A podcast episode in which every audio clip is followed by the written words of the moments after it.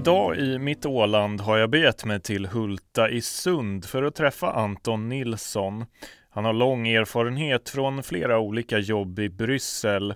Men trots många år i storstan är han också väldigt hemkär. Samtalet kommer att handla om hur Anton hamnat där han är, vad som gör Åland unikt i ett europeiskt sammanhang och hur Åland ska få sin lilla röst hörd i stora sammanhang. I Mitt Åland får gästen välja plats, men den här gången blev det inte riktigt som vi tänkt. Hej, söker Anton. Ja, just det. Jag kom rätt i alla fall. Det blev lite ändrade planer, kan vi säga. Uh, var, var är vi någonstans nu? Det blev det. Det är en nordisk sommar som slog till. Eh, jag hade tänkt att vi skulle spela in det ute på en ö här utanför. Eh, men det regnar helt enkelt. Så vi valde att fega ur och eh, stanna på, på fasta Åland. Men vi är i Hulta just nu och vi är exakt i den stuga som jag spenderade de största delen av sommaren de första ungefär 15 åren av mitt liv. Och som du ser om du tittar omkring så är den ganska liten, eh, liten stuga. Det var tänkt att det skulle bli en bastu, men den har aldrig använts som bastu. Så det blev istället en väldigt välisolerad liten stuga. Och här bodde vi på sommaren med min mamma och min pappa. Eh, vi hade inget vatten, ingen el. Vi hade ett väldigt dåligt fungerande gaskylskåp som låg här i hörnet. Eh, men det var, vi bodde jättenära naturen på den tiden. Och när jag berättade det här för dig nyss så frågade du också att, eh, eller du trodde inte det var sant att vi hade bott i det här. Mm. Det är så pass litet, men det gjorde vi. Och eh, det var jätte, vi har jättebra och mysiga sommarminnen av det. Men nu har vi också en större stuga med, med el och vatten och sådär och det gör det mycket lättare att vara här på vintern. Och en dag som idag till exempel hade vi antagligen åkt in till stan mm. innan vi byggde en ordentlig stuga. Mm. Varför, varför är vi här? Varför valde du den här platsen? Jag fick egentligen välja var, var, jag ville spela in det här och då känns det så naturligt för mig för programserien skulle heta Mitt Åland. Och eh, när jag tänker på Mitt Åland då tänker jag på Hulta. Det är här jag trivs som bäst och eh, det är här jag spenderar så mycket tid jag kan när jag är hemma. Mm. Så att det är här du är liksom när du är på Åland i allmänhet? Ja, så mycket jag kan. Såklart jag är inne i stan en del också träffar vänner och sådär. Det är också en stor del av att komma hem. Mm. Eh, men så fort jag har tid över och, och vill varva ner, då är det här i Hulta jag är. Mm. Eh, alla som jag har pratat med om den här intervjun sa liksom ja men det är helt självklart att han valde Hulta, jag visste det. Eh, så du, du har blivit lite Hulta-ambassadör då på något vis? Ja, men det är, är, det, en... är det medvetet eller har, har det bara blivit så? Men det är väl en fin, finare titel får man leta efter tänkte jag säga. uh, nej men jag trivs väldigt bra här. Jag vet faktiskt inte varför just Hulta har blivit som ett, någon slags varumärke nästan. Uh, det, är, det är ju ingen alls, inte alls en stor by och den ligger ju lite, lite utanför det mesta. Eh, även om du pratar med någon från Sund tycker de att Hulta ligger en bit bort. Så med, med, med åländska mått mätt så tar det ju ett tag att komma ut hit. Eh, jag tycker det är en jätte, jättefin by. Eh, det jag gillar mest här ute också är att det är som en tomten vi har här, det är en blandning av skog och hav. Och jag tror jag har det lite från båda mina föräldrar. Min mamma är från Åland, hon, hon älskar havet, eh, som många ålänningar gör. Och min pappa han är från norra Sverige och där är det ju skog som gäller. Det finns, så jag har liksom lite, lite med mig från båda håll. Och här, Kombinationen här, sitter lite i generna liksom. Ja men lite, lite så. Och jag tycker det är kul, det är, här ute liksom, det, det, det, doftar skog, det finns skog runt om men också nära havet och en jättefin skärgård här ute. Eh, så jag trivs helt enkelt superbra här så jag tror bara därför jag kanske pratar om det ofta. Mm.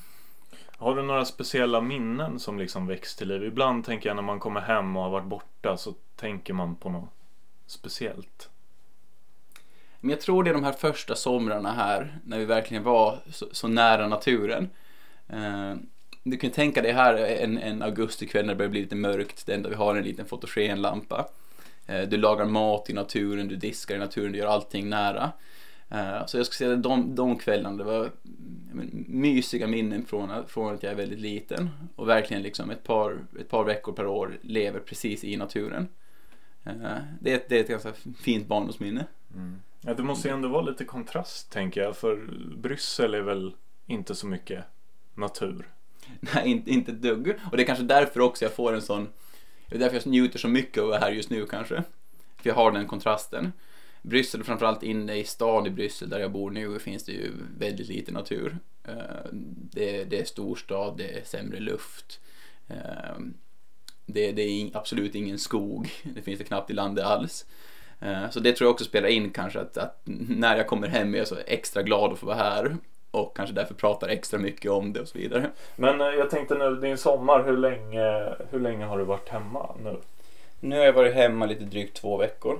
Och det är ju en, det är en annorlunda sommar på många sätt eftersom de två första veckorna var i karantän. Mm. Uh, jag har ju varit i Belgien och körde bil upp så jag får via Sverige. Och då var det ju inget snack om att det, det är inne i karantän som gäller. Mm. Uh, så därför har de väl varit lite extra lugna de två första veckorna. Men det är ganska lätt att vara i karantän här också. För jag antar att du har varit mycket här ute då. Så är det. Här i Hult har det inte varit några större problem med det. Och det ska också sägas att vi har ju haft mycket tuffare åtgärder nere i Belgien. Det var ju en total nedstängning av samhället ett tag. Eh, och även nu när det har sakta öppnat upp så har vi ändå vant oss med att hålla social distans. Att eh, verkligen hålla avstånd till folk. Eh, så därför är det inget liksom nytt för mig. Jag tror många här kanske är mindre vana med det. Jag märker när jag går på butiken att folk tittar konstigt på mig för jag håller mig, mm. håller mig borta för att verkligen försöka hålla avstånd. Men i Belgien har man gjort det sen, sen det här började egentligen. Okej, okay, så det, det, har i allmänhet varit hårdare där ja. än här? Ja, men det har det. det har det. Jag menar bara det att vi hade en total, total nedstängning. Eh, vi fick ju inte gå ut på ett par månader. Du fick eh, gå till matvaruaffären eller apoteket och du fick göra en promenad per dag. Eh, och då fick du inte sitta ner eller stå stilla utomhus. Så parkbänkarna var avstängda med polistejp. Om du stod och hängde bara så kunde polisen komma med megafon och be dig att fortsätta röra på dig. Och du fick absolut inte träffa vänner, du fick inte göra någonting sånt, bara de i ditt eget hushåll. Hur var det då? Eh, sämst. det, det, det, var, det var riktigt, riktigt dåligt faktiskt om jag får vara ärlig. Ja. Jag, jag har inget emot att ta det lugnt och eh, att, att någon gång nu och då jobba hemifrån kan jag också tycka är ganska bekvämt om man vill koncentrera sig eller något sånt. Men eh, att i flera månader vara nedstängt totalt, var, det tog på psyket. Eh, det blev en jätteobehaglig upplevelse egentligen. Jag tror vi människor är sociala varelser, vi vill, vi vill träffa folk och vi vill göra saker att liksom vecka efter vecka bara sitta hemma var, var inte roligt någonstans. Vad, vad gjorde du för att fördriva tiden? Till en början trodde jag att som sagt att jag tycker om att ta det lugnt. Jag borde inte ha jättestora problem med det. Men eh, efter ett tag började jag försöka hitta små saker att göra. Jag lagade lite mer avancerad mat än vi gjort tidigare. Eh, läste lite mer böcker, passade på att göra sånt. Men det är en sak som jag märkte och tänkte på där att i en storstad som Bryssel så är man beroende av aktiviteter. Att allt jag gör är liksom organiserat eller kräver en hall eller en lokal på något sätt. Medan de flesta här hemma har ju också intressen som du kan göra helt på egen hand. Du har något litet byggprojekt eller du fixar och donar med någonting. Eh, många har stuga till exempel. Eh, så på det sättet tror jag att, att man lider mycket mer i en storstad där man är beroende av aktiviteter än på ett ställe som Åland. Mm. Eh, så därför saknar jag lite. Jag tror hade jag varit, hade jag varit här hemma under en nedstängning hade jag haft mycket mer att göra och kanske varit mindre, mindre irriterad på det. Men jag där i min lilla lägenhet så att jag försökte hitta ja. saker att göra. Ja, det blev inga fågelholkar snickrade och annat? Man har ju inga garage. Liksom. det, är ett bra exempel. Hade jag haft ett garage hade jag antagligen gjort någonting sånt. Mm. Men där har man ju ingenting. Du vet, jag har, jag har Ikeas verktygslåda. Den gör man inte mycket med. Jag vet faktiskt inte var det började. Jag tror ju för sig att det kanske till viss del kom hemifrån. Vi har pratat mycket om, mycket om samhället. Men jag tror också det bara... Nej, jag har alltid bara varit intresserad. Jag har... Jag minns något, något tidningsklipp som jag skämdes jättemycket för på den tiden. Men hur jag i lågstadiet drev hårt för att få igenom en, eh, en linbana på skolgården. Och när jag tittar tillbaka på det så var det, det var i högsta grad ett politiskt projekt. Mm. Där det gällde att försöka påverka rektor och påverka Mariehamns stad för att få till den här linbanan. Eh, den står kvar faktiskt på, på Öbernäs skolgård okay, åtminstone förra året. Den, den blev av? den blev av. men bara en sån sak, jag har alltid varit liksom Nej, från väldigt ung ålder var jag jätteengagerad i att, att, att få saker till stånd. Mm. Uh, du doftar ju lite lillgammal. Ja men det var det, därför skämdes jag ganska mycket minns jag för den här, okay, den här tidningsartikeln ja. när, när den kom som barn. Man blev ju inte cool direkt på skolgården av det. Så jo, jag tror jag var lillgammal. Jag tror också jag, eh, jag har inga syskon. Och det gjorde att jag umgicks mycket med vuxna från att jag var, från att jag var liten. Och det tror jag också att jag kanske blev lite lillgammal av. Uh, av att ofta vara nära vuxna, ofta diskutera med vuxna även från tidig ålder. Så ja, det, det kan vara så.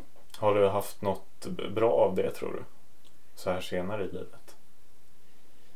Ja, kanske. Jag tror alltså, det, blir, det blir ju folk och barn från, Mm. från, lite oavsett vad som har hänt innan. Oftast så jag vet inte, kanske, kanske inte. Mm. Vad, gillade, du- vad gillade du att göra som liten? Förutom att driva olika frågor i elevrådet. Eh, som liten tyckte jag mycket om, eh, men jag hade ganska mycket aktiviteter. Jag höll på med många olika sporter. Aldrig särskilt framgångsrikt men, men höll på med flera olika. Eh, tyckte det var skoj. Eh, tyckte också mycket om skolan faktiskt. Jag tyckte det var roligt att gå i skolan. När jag tänker tillbaka på det, det är ganska coolt att man fick eh, lära sig så mycket olika saker och, och, och jag menar, om så många olika ämnen som man aldrig får i vuxen ålder nu. Det är sällan jag får chansen att lära mig något mer om fysik idag. Och det var ganska coolt egentligen att, att eh, under hela skolan får man lära sig allt från ja, men slöjd till fysik till saker som jag egentligen inte, inte jobbar med och inte är intresserad av. Eh, så det tyckte jag också var skoj. Men sen har jag alltid varit ganska bra på att, på att ha roligt själv, liksom leka på egen hand som barn. Eh, Men just, vi pratade tidigare om hur det var här ute i Hulta. Mm. Om man inte har syskon och bor på, eh, mi- mitt i skogen under sommaren då behöver man hitta på saker själv annars kommer det inte kul. Mm. Eh, Så på det sättet tyckte jag både om aktiviteter men också om att, om att hitta på egna saker, leka på egen hand. Mm. Och sen när du blev lite äldre då så eh, jag snokade lite och har kikat lite vad du har studerat. Du har varit på Handels i Stockholm bland annat. Hur tänkte du då? Var du liksom på väg mot näringslivet då? Eller hur, hur valde du utbildning sen? Jo men det var jag nog. Jag tror, det låter lite pretentiöst när vi pratar om lillgammalt men jag satt eh, årskurs två på Lyceet. Eh, satt jag med min, min plan för vilka kurser jag skulle välja i trean och en miniräknare. Och räknade ut vad jag kunde få för betygsmedeltal om jag valde de och de kurserna. Och eh, till sist lyckades jag hitta en kombination som skulle ge mig det betyget eh, som jag behövde för att komma in på Handelshögskolan. Eh, och då var det liksom det stora målet inför sista året på gymnasiet. Jag gjorde allt jag kunde för att, för att få det. Så jag tror det var mer att jag men jag hade hört så mycket bra om Handelshögskolan att det var, det var en riktigt, riktigt bra skola och det var tufft att komma in och det, du får jättefina jobb i näringslivet efteråt och så vidare. Så jag, när jag insåg att jag kunde, kunde komma in där så gjorde jag mm, vad jag kunde för att, för att faktiskt göra det. Eh, sen väl där så var det en, en häftig upplevelse på många sätt. Eh, och som du var inne på var det verkligen en väg in mot näringslivet. Jag tror de sa innan att hade gått på Handels kan det bli vad som helst. När jag började på Handels fick jag lära mig att vad som helst betydde eh, jobba på bank eller som konsult. Mm. Eh, så efter ett tag trodde jag väl att det var det man skulle göra. Eh, för det var det alla andra pratade om. Och där det var det det sammanhanget man var i liksom. Ja men verkligen. Och där fanns det, du vet, det fanns stora pengar och det fanns häftiga flashiga karriärer och så vidare att hämta. Eh, Men jag var aldrig supertaggad på det egentligen. Det lät väl fine men det var inte någonting jag brann för egentligen. Eh, Så jag tog då examen där men, det, men du vet ibland, ibland tar det inte riktigt hundra. Jag, jag tyckte inte det var det var intressant men det var aldrig så extremt intressant. Men sen hamnade jag i Bryssel på en praktik och trodde jag skulle stanna ett par månader bara. Men någonting hände där, du vet. Där var det totalt tvärtom. Att, att allt det jag gillade, allt det som jag kände att jag var duktig på och hade lätt att lära mig om, fick jag nytta av i Bryssel. Eh, och det var dessutom en superspännande miljö med folk från precis hela Europa eh, på en och samma plats. Så på något sätt, det, på Handels trivdes jag helt okej, men, men jag kände aldrig att det tog riktigt. Mm. Men när jag kom till Bryssel helt plötsligt, då, Mm. då, då verkligen då klickade allting. I grunden är EU en plattform för samarbete. Det tror jag är det bästa sättet att, att, att sätta ihop det. Att vi har liksom, det är ett antal länder som har insett att vissa saker löser vi mycket bättre tillsammans. Och här har man skapat den, den bästa plattformen som finns egentligen för att kunna göra, eh, hitta gemensamma lösningar på gemensamma problem. Och det tror jag EU är i grunden. Ehm, sen spretar det här ut åt olika håll och man kan diskutera om man håller sig till liksom det här huvuduppdraget. Ehm, och det finns också sådana som har en bild. Frågar du en fransos vad EU är så kommer de säga att det är någonting mycket, mycket mer än så. Det är, no det är någonting mer än ett pragmatiskt samarbete. Det är ett projekt, det är en dröm. det är någonting annat. Jag har själv lite svårt för de tankarna. Jag, jag, jag, jag har en ganska pragmatisk syn på vad EU är och jag tror EU funkar som bäst när det, när det faktiskt är ett samarbete, ett frivilligt samarbete mellan länder som löser gemensamma problem snarare än någonting större än så. Mm.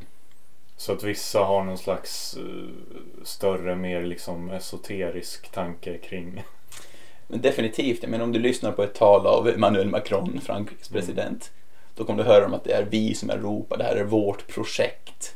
Det är någonting mycket, mycket större än så här. Och det har ju såklart historiska orsaker. Eh, en sak som jag tror vi har svårt att, att, att, att ibland greppa här i Norden är verkligen vilket fredsprojekt EU är. Att, att för, för de allra flesta europeer har ju liksom levt eller har föräldrar som har levt i ett Europa där där vi sköt på varandra. Och det är så svårt för grannländer i Europa där du idag kör runt med din bil bara över gränser som i alla fall innan corona inte ens syntes. Sköt man för inte allt för länge sedan. Och jag menar det är klart, har man den tanken i huvudet då är det klart att fredsprojektet får en mycket, mycket större dimension i det. Eh, och då kan man tycka att saker som, menar, sånt som inte är perfekt i EU kanske är värt att, att bara acceptera för vi har någonting mycket större, mycket större att vinna på det. Eh, för oss här uppe som eh, som såklart eh, för Finlands del har det också en historia av krig men det, men det är inte ett krig på en kontinent på samma sätt eh, som de har där nere. Mm. Men om, om, vi tar ner det på Ålands nivå då, hur, hur, hur viktigt är EU för oss här på Åland? För oss är EU superviktigt. Som, som idé liksom? jag ska egentligen vilja ta tillbaka det till, till en mer pragmatisk nivå ja. för Åland, för det är så jag tror vi behöver se det. Mm. Uh, vi, är en, vi är en jätteliten ekonomi. Vi är, vi är beroende av ekonomier runt om oss. Men hela vårt välstånd är uppbyggt på sjöfarten. Sjöfarten är per definition internationell. För oss är det extremt viktigt med handel och att handeln fungerar. Och den inre marknaden som vi har i EU där vi kan handla fritt är det absolut bästa sättet att säkra en stor handel. Så jag tror vi är en av de största vinnarna på att vara med i EU, på att ha en öppen inre marknad. Och det här, det här tror jag är jätteviktigt att komma ihåg. Men, men med det här sagt, med, med det faktum att vi är jättestora vinnare på att vara med i EU, så finns det också saker som skaver. Vi har stora problem med att vara med i EU, vi kanske får möjlighet att prata om dem sen. Mm. Men men, men jag tror oavsett, man måste kunna hålla två tankar i huvudet samtidigt. Å ena sidan är EU-projektet väldigt nyttigt för oss på Åland. Vi vinner massor på att vara med i EU. Å andra sidan finns det saker som måste förbättras i EU, sånt som vi inte kan acceptera helt enkelt. Och de här två kan, behöver inte ta ut varandra utan man måste kunna hålla båda tankar i huvudet på samma gång. Mm.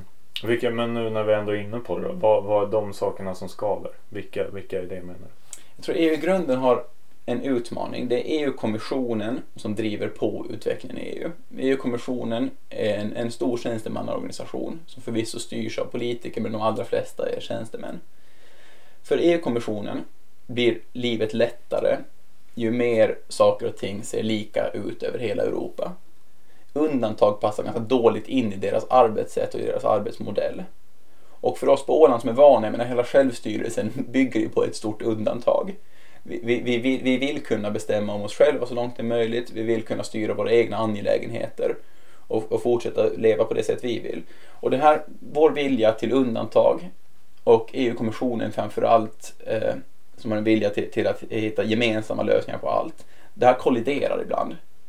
Och det, och det ser vi i väldigt praktiska exempel som eh, sjöfågeljakten är väl det folk har varit mest upprörda över. Att det är klart, för kommissionens del handlar det om att hitta en, en, en lika behandling i Europa, hur man, hur man hanterar eh, aidern. Mm. På Åland har vi hittat en annan förvaltningsmodell för det, där jägarna är en av de viktigaste spelarna i det. Och när vi ser det på, det på Ålands, Ålands plan så skulle det antagligen funka och funka väldigt bra. Jägarna gör ett jättejobb för att hålla ejderstammen igång. Men om man från, ser det från kommissionens sida vill ha en, en lika lösning i hela unionen då går inte de här två ihop. Pusselbitarna mm. funkar inte med varandra. Och det här liksom, det visar verkligen på, på utmaningen vi har i, i, en organisation som vill ha likriktning och ålänningar som gärna vill, eh, vill kunna forma vårt eget samhälle. Men, men jag tänker det där är ju någonting som man ändå har pratat om ända från början med EU liksom. eh, raka gurkor och storlekar på tomater och sådär var ju var ju sådana grejer som pratades om när jag var liten. Hur, hur ska vi agera eh, för, för att liksom komma igenom, komma fram? För vi är en så liten aktör tänker jag i, i sammanhanget. Ja, jag tror först och främst eh, ska vi inte fastna i att vi är en sån liten aktör. För det går att påverka EU. Det går faktiskt att göra det. Jag har sett massor med områden. Du vet när jag jobbade i Europaparlamentet så, så jobbade jag för en Europaparlamentariker. Och han kunde ändå skapa liksom stor förändring i Europa. Bara genom hårt arbete och mycket kunskap. Och där tror jag att, att Åland har alla möjligheter att försöka påverka saker. Men vi använder rätt strategi och bara vi är envisa. Så det är det ena. Det andra som jag tror är en viktig poäng är att vi måste också vara lite tuffare, lite modigare när vi har med EU att göra. Eh, det ligger kanske lite i vår kultur att följa regler. Vi älskar regler och vi följer dem. Det, det är någonting nordiskt. Eh, när kommissionen kommer med, med, med, ett råd eller en åsikt eller ett direktiv då är ofta den största, första frågan vi ställer oss hur ska vi följa det här till punkt och pricka? Det tror jag är lite farligt. För om vi gör det, då är det klart att EU kommer bli ett problem. Om vi är extremt noga med att det ska följas exakt och kanske göra till och med lite mer eh, än, än vad ett direktiv kräver. Där tror jag det är jätteviktigt att vi istället frågar oss, eller ställer den första frågan, vad vill vi göra? Vad vill vi åstadkomma? När vi hittar fram till det, då ser vi hur kan vi få det här att passa in i direktivet? Och, och även om kommissionen kanske menar att, att det inte behöver vara så, Eh, eller att vi kanske inte passar in 100% så är det bara kommissionens åsikt. Och det måste komma ihåg, kommissionen är ingen dömande instans. Det är en institution av många som kan ha en åsikt. Om vi har en annan åsikt än dem eh, så, så behöver, inte betyda det att, behöver inte det betyda att vi har fel. Det sist och slutligen alltid domstolen som avgör. Och det är också en jätteviktig sak att komma ihåg. Att fram till att frågan har nått till domstol och domstolens klubba har fallit så är det ingenting som tvingar oss att följa det. Vi får noll euro i böter förrän domstolens klubba har fallit. Så därför tror jag inte man ska vara rädd att försöka trycka på saker lite längre. Varför inte? Om, om vi menar att vi har torrt på fötterna, om vi menar att det här vi gör följer ett direktiv. Låt kommissionen ha annan åsikt. Om kommissionen menar att, det, att de är så säkra på sin sak, låt dem ta det till domstol. Det, det, det är inga böter inne i det förrän domstolens klubba har fallit. Men det finns ingen risk att folk börjar tycka att vi är jobbiga liksom? Det är hundratals olika överträdelseförfaranden som det heter, som pågår varje år. Om det kommer ett, två till per år kommer det inte synas i någon stor statistik någonstans.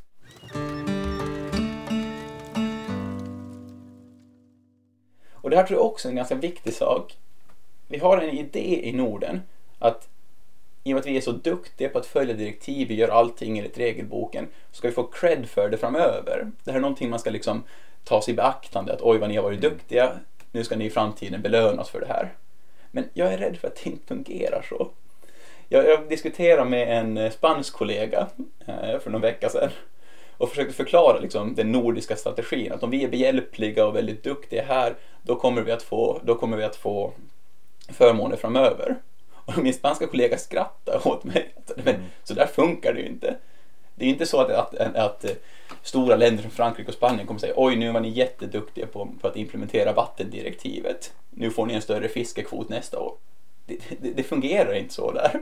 Tvärtom snarare. Om, om, om, många länder är tuffa, alltså riktigt hårda förhandlare. Om de ser att vi, att vi ändå gör som vi blir tillsagda, då kommer de snarare antagligen att, att, att trycka ännu hårdare veta att det är lugnt. De nordiska mm. länderna ger med sig ändå. Vi behöver inte bry oss om så mycket vad de säger. Så jag, jag, jag önskar att vi hade ett EU där, där man verkligen belönades för att vara duktig. Ett EU, ett EU där man verkligen, eh, ja, där vi verkligen fick, fick cred för att vi gör saker enligt regelboken. Men jag är inte säker på att allt är så. Och därför tror jag vi, må, vi måste ha där, vi måste tänka om lite i vissa av de här frågorna. Eh. kan vara värt att vara lite franska och backa upp med traktorer på torget och Ja, det dumpa lite gödsel ibland. Exakt. Det ligger kanske inte riktigt i, linje med hur vi brukar jobba men, men eh, däremot tror jag alltså men jag tror faktiskt EU, EU kan vara utmanande nog, som jag sa tidigare, att eh, det, det, EU strävar efter en enskild lösning kan vara ett problem för oss som vill styra oss själva. Men EU blir absolut ett problem om vi själva gör det till ett. Mm. Att om vi bara skalar bort det där vi själva har varit eh, väldigt nitiska och väldigt, varit väldigt noggranna. Om vi skalar bort det laget, då tror jag redan där vi kommer få ett mycket, mycket flexiblare EU. Och jag menar, det här är inte så konstigt heller. Vi har ju direktiv är den vanligaste rättsakten eh, i, i EU-lagstiftningen. Och det är, man skriver en lag på EU-nivå som sen ska implementeras i medlemsstater och regioner. Så hela idén är ju att man skriver ett övergripande regelverk på EU-nivå som sen ska anpassas till lokala förhållanden. Så det är liksom, grundidén är att vi ska anpassa den, vi ska inte ta den ett till ett, vi ska anpassa den. Och det gäller de flesta rättsakter. Och där tror jag faktiskt det finns massor, mycket mer öppning. Och det att vi har Vi, vi själv... har mer spelrum där än vad vi utnyttjar. Ja, och vi kan, vi kan ta oss mer spelrum i ett sånt läge. Och vi, dessutom vi i Polen som har en självstyrelse på många områden, de själva som implementerar det, skulle kunna använda självstyrelsen. Vi är duktiga på att använda självstyrelse på många andra områden. Varför skulle vi inte kunna bli bäst på att använda den också på EU? Mm. Eh, Men jag har funderat också på när, du liksom rör dig i, korridorerna där och, och pratar med folk. Hur, eh, vad, vad har folk för tankar kring Åland? Vet de vad vi är för någonting? Det är blandat. Jag tror i EU-svängen kanske folk i lite högre utsträckning än, än, än, än i vanliga fall känner till Åland. Eh, för de många har läst vet, statsvetenskap Mm. och hört talas om några av våra undantag. Mm. eh, eller någonting sånt. Men jag tror generellt att vi aldrig kan räkna med att folk kan och förstår Åland. Eh, när vi funderade på var vi skulle vara för den här intervjun så tyckte jag vi skulle vara ute på en, på en holm här utanför.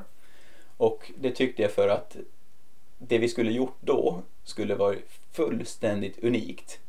För 99,9% av Europas befolkning, det är något de aldrig kommer få uppleva. Att få sitta ensam på en holme.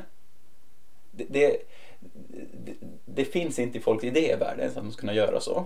Jag var inne på skoj och räknade öar på Google Maps och såg att, att, att eh, Frankrike har liksom en handfull öar för 60 miljoner invånare. För oss här som har en stor skärgård, bara en sån levnadsmiljö, en, en sån geografisk liksom, miljö finns inte Mm. på andra platser i Europa. Jag tror Åland har fler öar än Grekland och Grekland är känd för sin skärgård. Så bara en sån sak att, att förstå hur vi lever här, hur, hur vår natur ser ut, eh, är jätte, jättesvårt för de flesta europeer. Och det är klart att det blir, det blir också svårt när sådana som inte ens förstår hur en skärgård ser ut och hur man kan Mm. leva i en ska skriva lagstiftning som passar för den. Ja, för det känns ju ofta som att det är just där det skär sig Ja, på något vis. Ja, men lite så. Jag tror inte det finns... Det är inte så att någon vill försvåra för livet i skärgården. In- inte ens i det stora stygga EU. Men jag tror det finns en, en okunskap om hur det faktiskt fungerar här. Jag kan ta ett annat exempel. Det fanns ett, eh, ett lagförslag där man eh, haft stora problem med att det fuskas när en fiskare kommer i land med sin fångst. Man väger den, man säger att det väger någonting annat än vad den väger. Och det ville man lösa genom att ha, ha obligatoriskt att det är en licensierad vägare som finns på plats varje gång du kommer i land med din, med din fisk. Befinner du dig i en stor hamn eh, i Baskien, då är det inget problem. Då handlar det om att, att vinka dit eh, vägaren. Så kommer hen dit och, Mm. och, och löser det. Men det jag tror inte de förstår är att en yrkesfiskare på Åland kan landa hemma vid bryggan. Och att då få dit en licensierad vägare för att ta in eh, 50 kilo sik är ju fullständigt barockt. Det finns ju inte på kartan att det skulle vara en vettig Ja, prioritering. man får ju ha en för varje kommun då, tänker jag också. Ja, men bara en sån, det räcker ju inte med varje kommun. Om du, Nej. om du har den på Kumling och du sitter på seglingen till din Mm. brygga så är det ändå ett litet projekt att ta sig dit. Mm. Och, det, och det är totalt orimligt. Och dessutom ska vi ha 16 vägare på Åland. Det, Mm. det, det, det finns liksom inte på kartan. Eh, Så det är ett bra exempel på verkligen. Mm. Jag, jag, jag förstår Ja, att det blir ju nästan också den här nidbilden då som EU-motståndare har, tänker jag, i, den, i Absolut. det exemplet på något vis. Absolut, och vet du vad det värsta är? Det, det, är att, att det, det är korrekt. Mm. Det, det, det är en fruktansvärt dålig idé. Men bara för att det kommer dåliga idéer också så behöver vi inte acceptera dem direkt. Vi kan försöka ändra dem. Och om vi, för- om vi är tillräckligt duktiga på att förklara hur det ser ut. Om vi förklarar att, eh, att Micke Lindholm på simsjäla rakt över vattnet här kommer, kommer komma in med 50 kilo sik någon dag. och att det inte behövs en vägare då kommer ju folk förstå. Det är ingen som tycker det är smart att skicka ut, eh, att utbilda och skicka ut en officiell vägare till Men- simskäl och 50 kilo. Så, så därför måste vi göra vår hemläxa. Vi måste faktiskt vara där och påverka.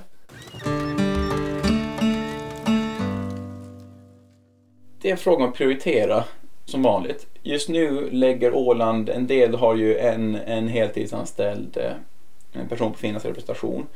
Eh, och där kan vi påverka en del, kan vi påverka tillräckligt? Det ska jag inte säga ännu. Eh, Men vi har också en annan utmaning i det att vi inte har en egen parlamentsplats ännu. Det är en sån sak som skulle kunna göra en stor skillnad. Den omtalade stolen. Exakt. Var, var ligger vi där? Kommer vi någonsin få den tror du? Det vet jag inte. Det vet jag inte. Jag tror i grunden Alltså i grunden har vi rätt till en plats. Och det finns absolut ingen anledning att inte fortsätta jobba för den. Men den politiska verkligheten är ju att det är svårt. Eh, från EU-håll så är ju eh, är det snarare en fråga som, eller en intern fråga för Finland. Och om du frågar vilken finsk politiker som helst om de har något intresse av att, eh, någonting att vinna på att ge bort en av sina få stolar till Åland så kommer alla utom Svenska Folkpartiet att svara nej. Och, och, och där står vi just nu. Så det är såklart en, en jätteuppförsbacke och ett jättesvårt läge. Och det fanns ju en öppning som vi hade hoppats på tidigare efter Brexit när Finland fick en till stol och det fanns ett löfte i bakgrunden om att om Finland får en ytterligare plats så ska den kunna tillfalla Åland. Eh, men det här löftet visade sig vara värt ingenting när det kom till, eh, kom till verkligheten. Och det är synd. Och det är beklagligt faktiskt. Om inte vi ens kan lita på ett löfte från en finsk regering så har vi ett problem. Vad kunde vi ha gjort då? Skulle vi ha, som vi pratade om tidigare, backat upp med gödselsläpet till Helsingfors? Nej, den tror jag hade varit svår där. Jag tror den bästa chansen till lösning hade antagligen varit när vi hade våra medlemsförhandlingar. Då hade vi, då hade vi någon form av... eh, Men då hade vi verkligen lite hävstång på vår sida. Och det skapar till exempel skatteundantaget. Eh, vilket har varit till stor nytta för Åland. Eh, trots utmaningar för vissa, vissa branscher. Eh, men jag kan också förstå att man på den tiden inte tog det som högsta prioritet. För Europaparlamentet på den tiden var mer av en diskussionsklubb. Det är först efter Lissabonfördraget som Europaparlamentet faktiskt har blivit lagstiftare. Så jag kan förstå att på den tiden var inte det viktigaste att få någon till en liksom, verkligen en klubb av, av bokstavligen cigarrökande män som diskuterade fina resolutioner och gav ut priser. Det var kanske inte Ålands högsta prioritet då. Men nu när Europaparlamentet har gått från den här diskussionsklubben till en lagstiftare så hade det varit mycket värt att ha en plats där. Vad tror du om framtiden då? eh, För EU? Det är ju lite skakigt nu med Brexit och coronakrispaket och, och allting. Det är skak, men det finns en liten paradox nästan i hur EU har utvecklats. Att Om man tittar tillbaka på EUs historia så är det alltid kriser som driver på för ökat samarbete. Och jag tycker vi ser det lite här igen. Eh, bara för några dagar sedan så beslutade ju eh, statsministrarna om ett rekordstort räddningspaket. Det gör att, att aldrig, aldrig förr har så här mycket pengar spenderats på EU-nivå. Så på det sättet, den här coronakrisen har verkligen visat att det här är ett problem som är gemensamt i stora delar av Europa. Eh, det har också kommit en större förståelse för att om andra länder går i kull så drabbar det också de länder som, som inte gör det. Alltså kan, in, kan inte vi sälja våra produkter, eller finns det ingen som har råd att köpa våra produkter kan inte vi sälja dem och då tappar vi också intäkter. Så vi sitter så sammanlänkade i Europa. Eh, så att någon annans problem blir också vårt och våra problem blir deras. Så jag tror intressant nog visar kanske den här senaste krisen på nyttan av, av samarbete i ännu större grad. Så, så jag tror inte att, även om det är lite rörigt, tror jag inte att det här innebär att EU blir svagare i sig. Utan, utan snarare kanske vi kommer att se ett större samarbete på vissa områden. Mm. Men där gäller det också igen för Åland att vara på alerten. När EU arbetar för att, för att bli starkare, för att mer och mer integrera det, då måste vi vara där och då måste vi se till att, att vi kan fortsätta med de särlösningar vi vill ha. Så det gäller verkligen att vara på tårna i ett sådant här läge. Men vad tror du där för Ålands del skulle vara liksom den bästa strategin framåt? Ska man lägga mer resurser på EU? Och hur ungefär? Tror Det- du att de då skulle? Det, det är en helt en fråga om, om, om vad man ska prioritera. Jag menar, det ekonomiska läget kommer bli tuffare här också eh, framöver på grund av corona.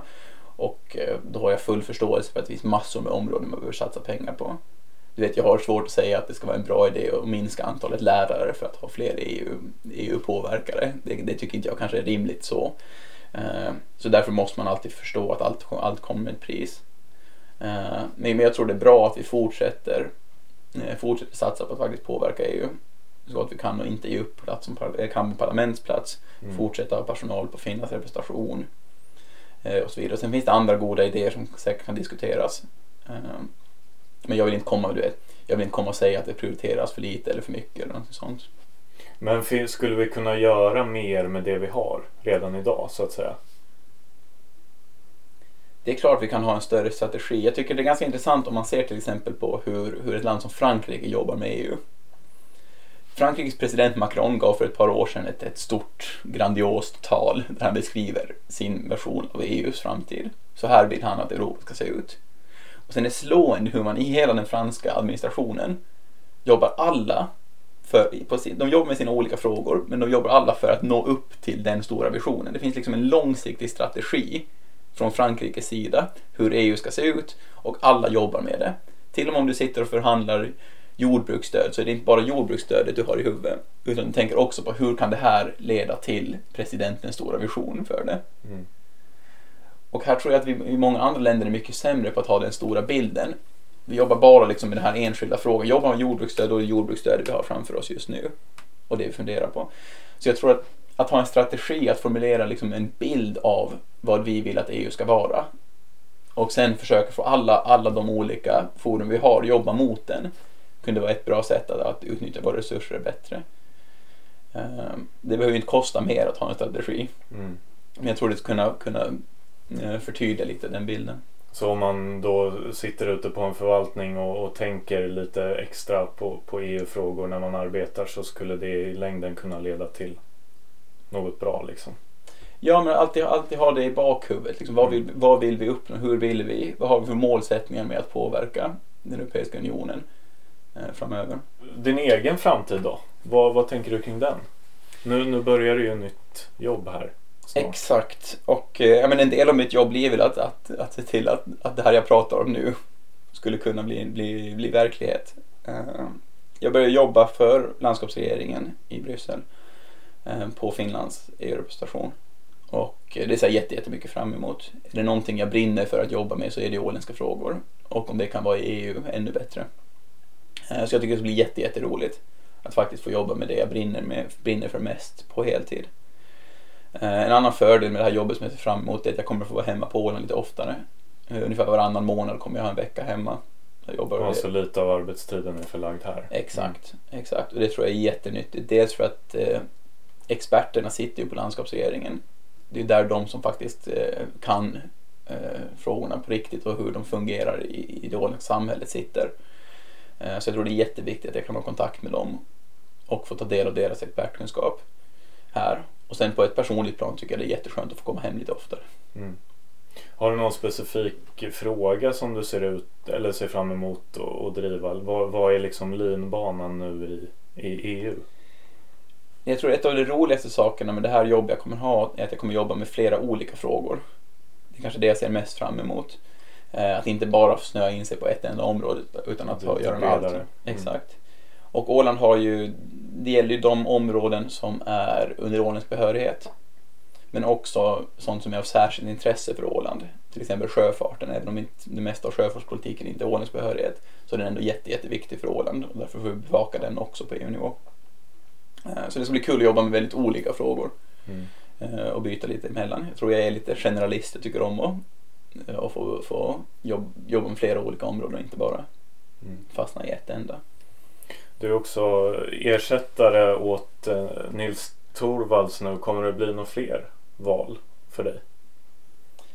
Ja, men det tror jag. Alltså, jag, vi får se. Eh, det är förstås eh, väldigt tidigt att säga. Men senaste valet gick ju bra. Och jag, vi pratade till om vad vi kan göra för att få en egen parlamentsplats. Och då pratar vi bara om vad vi kan göra eh, för att få en öronmärkt till Åland. Men om fyra år är det EU-val igen och jag tror faktiskt vi kan vinna. Eh, det är inte alls lika säkert att det kommer finnas en toppkandidat eh, den här gången på SFPs lista. Så varför inte försöka få en ålänning att vinna det? Det tror jag inte alls är omöjligt. Så vi får se lite hur det utvecklas. Vi måste se förstås vad, vad samarbetspartierna på Åland säger och sådär. Men, men jag tror faktiskt att en ålänning skulle kunna vinna det här valet om fyra år. Mm. Och då tror jag det är en chans vi måste försöka ta.